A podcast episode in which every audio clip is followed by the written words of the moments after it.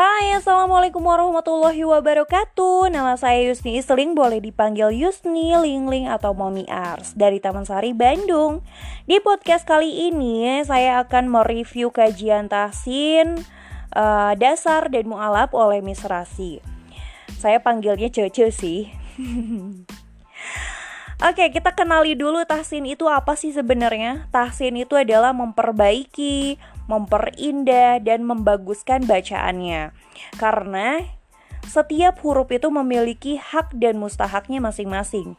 Sebagaimana Allah pernah berpina, berfirman dalam uh, surat Al-Muzammil ayat keempat yang artinya dan bacalah Al-Quran dengan tartil. Di sini ada empat kesalahan dalam bacaan Al-Quran ya ternyata.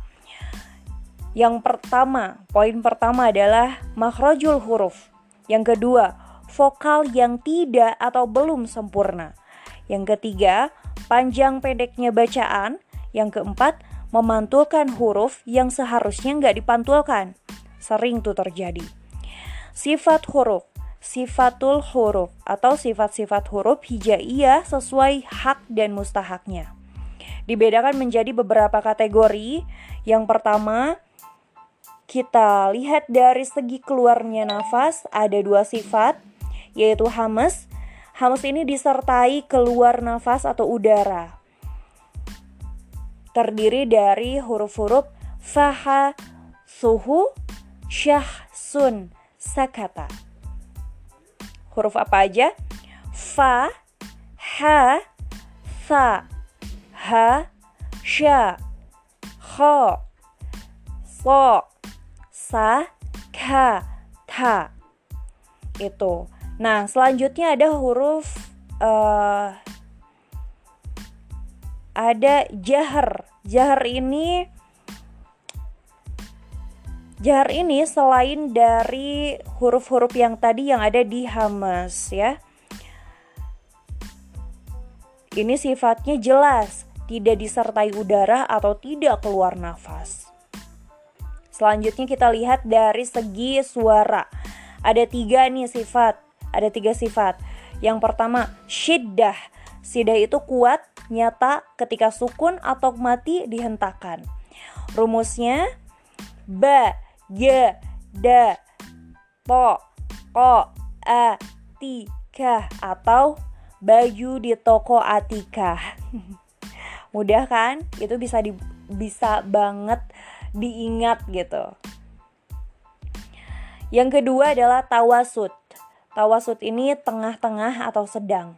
Kata kuncinya wasit. Kita ingat-ingat aja kalau wasit uh, di tengah-tengah kan diemnya nah rumusnya itu adalah Umar Linu A Ma Ro La Na Umar Linu Umar lagi linu-linu gitu maksudnya. Rohwah Yang ketiga rohwah ya Rohwah itu lembut Kata kuncinya ingat aja Ingat kalau roh halus gitu kan lembut gitu ya Atau boleh apa aja ya yang bikin kamu inget sama sesuatu yang lembut-lembut Nah itu berarti rohwah. Huruf-huruf sisa dari syidah dan tawasud yang tadi. Yang selanjutnya ada dari segi pengangkatan dan tidak mengangkat pangkal lidah. Ada dua sifat yaitu isti'la artinya mengangkat, rumusnya soto dodo go hok. Ada huruf so, po, vo, zo, go, ho, o. Yang kedua, istifal. Istifal ini artinya menurun. Ya ingat aja kalau bahasa Inggris kan fall, fall itu jatuh. Nah, itu artinya menurun. Apa aja huruf-hurufnya? Pengecualian dari istilah tadi. Berikutnya ada dari segi lengketnya lidah ada dua sifat yaitu itbak kok itbak artinya lengket kata kuncinya bak lengket bak kalau nggak dicuci kan lengket tuh nah itu bak itbak itu artinya lengket rumusnya apa aja soto dovo ya ada huruf so, so, terus po, ya, po, vo, sama vo, vo, ya. So, po, vo, vo. Yang kedua, invitah. Invitah ini tidak lengket. Yang tadi lengket, sekarang nggak lengket. Apa aja huruf-hurufnya? Yaitu semua huruf sisa itbak tadi. Lalu kalau dari segi susah dan mudah pengucapannya, ada dua sifat. Yang pertama, izlak. Izlak ini artinya mudah. Mudah gitu ya kata kuncinya ngegojlak gitu apalah. Uh, rumusnya ini. Paman libur. Kalau paman udah libur kalau paman udah libur ya semua pasti mudah. Ini huruf-hurufnya ada fa huruf fa mim nun la lam ba sama ro ya. Fa man libur Yang selanjutnya ismat. Ismat ini artinya susah. Ya berarti kalau ada susah, ya ada mudah juga yang tadi. Kata kuncinya ya ingat suku asmat aja. Jauh susah di jauh susah dijangkau. Semua huruf-huruf selain dari huruf-huruf izlak ya.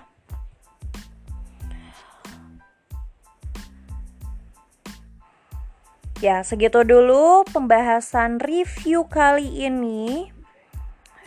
Wassalamualaikum warahmatullahi wabarakatuh. Semoga podcast kali ini bermanfaat bagi teman-teman sekalian. Wassalamualaikum. Bye.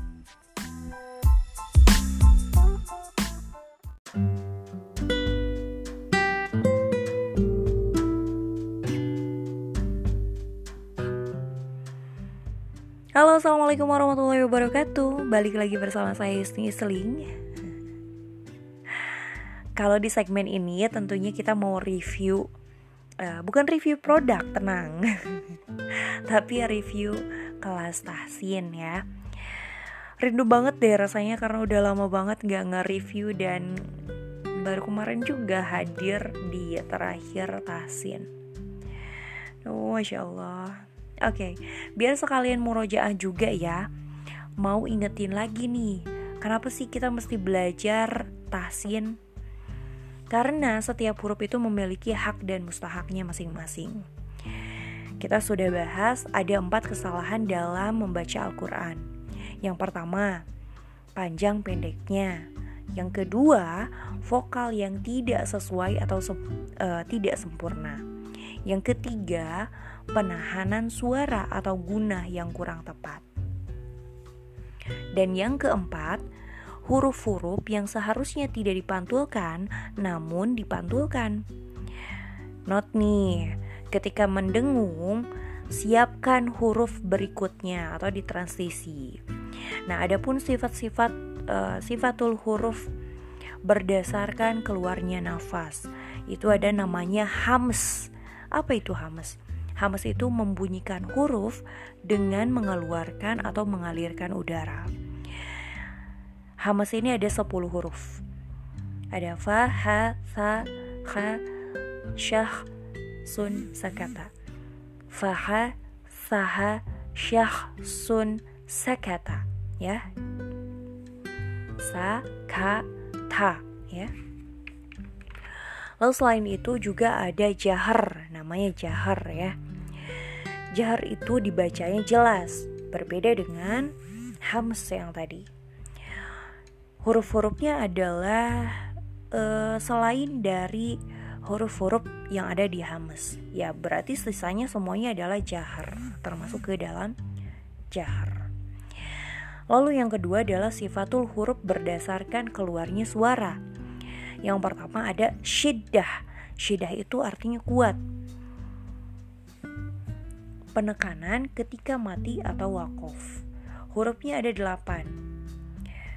Kalau disingkat gini, Bayu di toko Atika. Biar teman-teman mudah mengingat ba ju huruf ja ya di da po po ya huruf po ko a pi ka baju di toko Atika. Yang kedua ada tawasud. Ini termasuk pertengahan. Hurufnya adalah ain mim ro lam nun. Biar lebih mudah teman-teman bisa uh, menyingkatnya dengan Umarlinu. Umarlinu ya. Yang ketiga ini ada rohwah. Rohwah itu artinya lembut. Huruf-hurufnya yaitu selain baju di toko dan Umarlinu tadi. Ya yaitu artinya sisa dari tawasud dan rohwah. Selanjutnya sifatul huruf berdasarkan uh, terangkatnya pangkal lidah. Itu ada isti'la. Isti'la itu artinya mengangkat. Membunyikan huruf dengan mengangkat pangkal lidah ke langit-langit mulut. Sehingga bunyi huruf menjadi lebih tinggi, tebal, dan kuat. Ya, berat maksudnya. Hurufnya apa aja? Ada tujuh huruf. Ada so, po, do, wo, go, ho, ko. Biar lebih mudah lagi nih ya, ada rumusnya. Rumusnya gimana ini?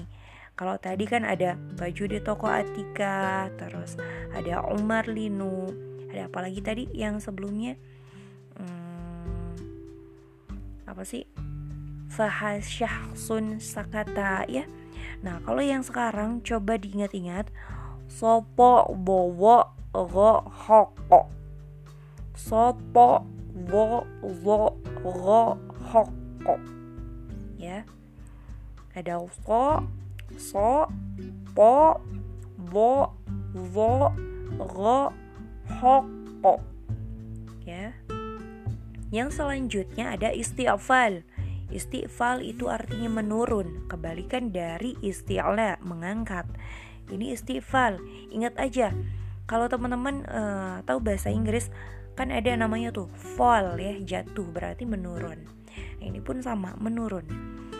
Turun maksudnya istighfal ya uh, membunyikan huruf dengan menurunkan pangkal lidah hurufnya ada 22 yaitu selain dari huruf-huruf dari isti'ala tadi. Ya sisanya berarti termasuk ke dalam istifal yang keempat berdasarkan lengket atau tidaknya. Itu ada yang namanya itbak. Itbak itu lengket. Membunyikan huruf dengan melengkungkan lidah ke langit-langit mulut. Hurufnya ada empat. So, po, wo, wo. So, po, wo, wo. Ya. Soto, wo, wo do vo selanjutnya invitah. Invitah itu berarti kalau tadi lengket berarti sekarang yang tidak lengketnya. Hurufnya selain yang ada di itbak tadi. Yang terakhir ada susah mudahnya. Itu ada ismat. Ismat itu susah. Ada 23 huruf selain dari huruf izlak. Nah, terus izlak apa? Izlak itu artinya mudah. Ada enam huruf. Hurufnya ada fa, ma, nun, lam, ba, ro. Kalau lebih mudahnya, teman-teman bisa singkat dengan faman libur. Kalau paman sudah libur, semua dipermudah. dipermudah maksudnya gimana? Jadi kalau misalnya udah faman libur yang lain, udah boleh gitu boleh masuk ke ismat gitu teman-teman. Dilanjutkan di segmen berikutnya ya. Ha sampai di sini. Wassalamualaikum warahmatullahi wabarakatuh